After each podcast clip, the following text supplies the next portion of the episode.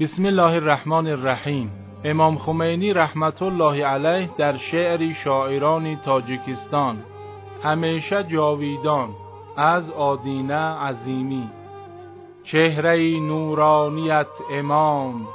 دایما بروی ما باشد. از صفا و صدق و از توحید. رشحه رشحه زیا باشد.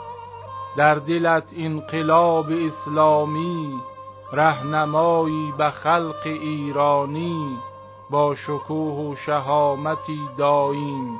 تو همیشه جاودان مانی. به توافی تو می روی مکنون خفته اندر بهشت زهرایی. ای بهشتی دعات می گویم زنده اندر زمیر ماهایی. زنده اندر زمیر ماهایی.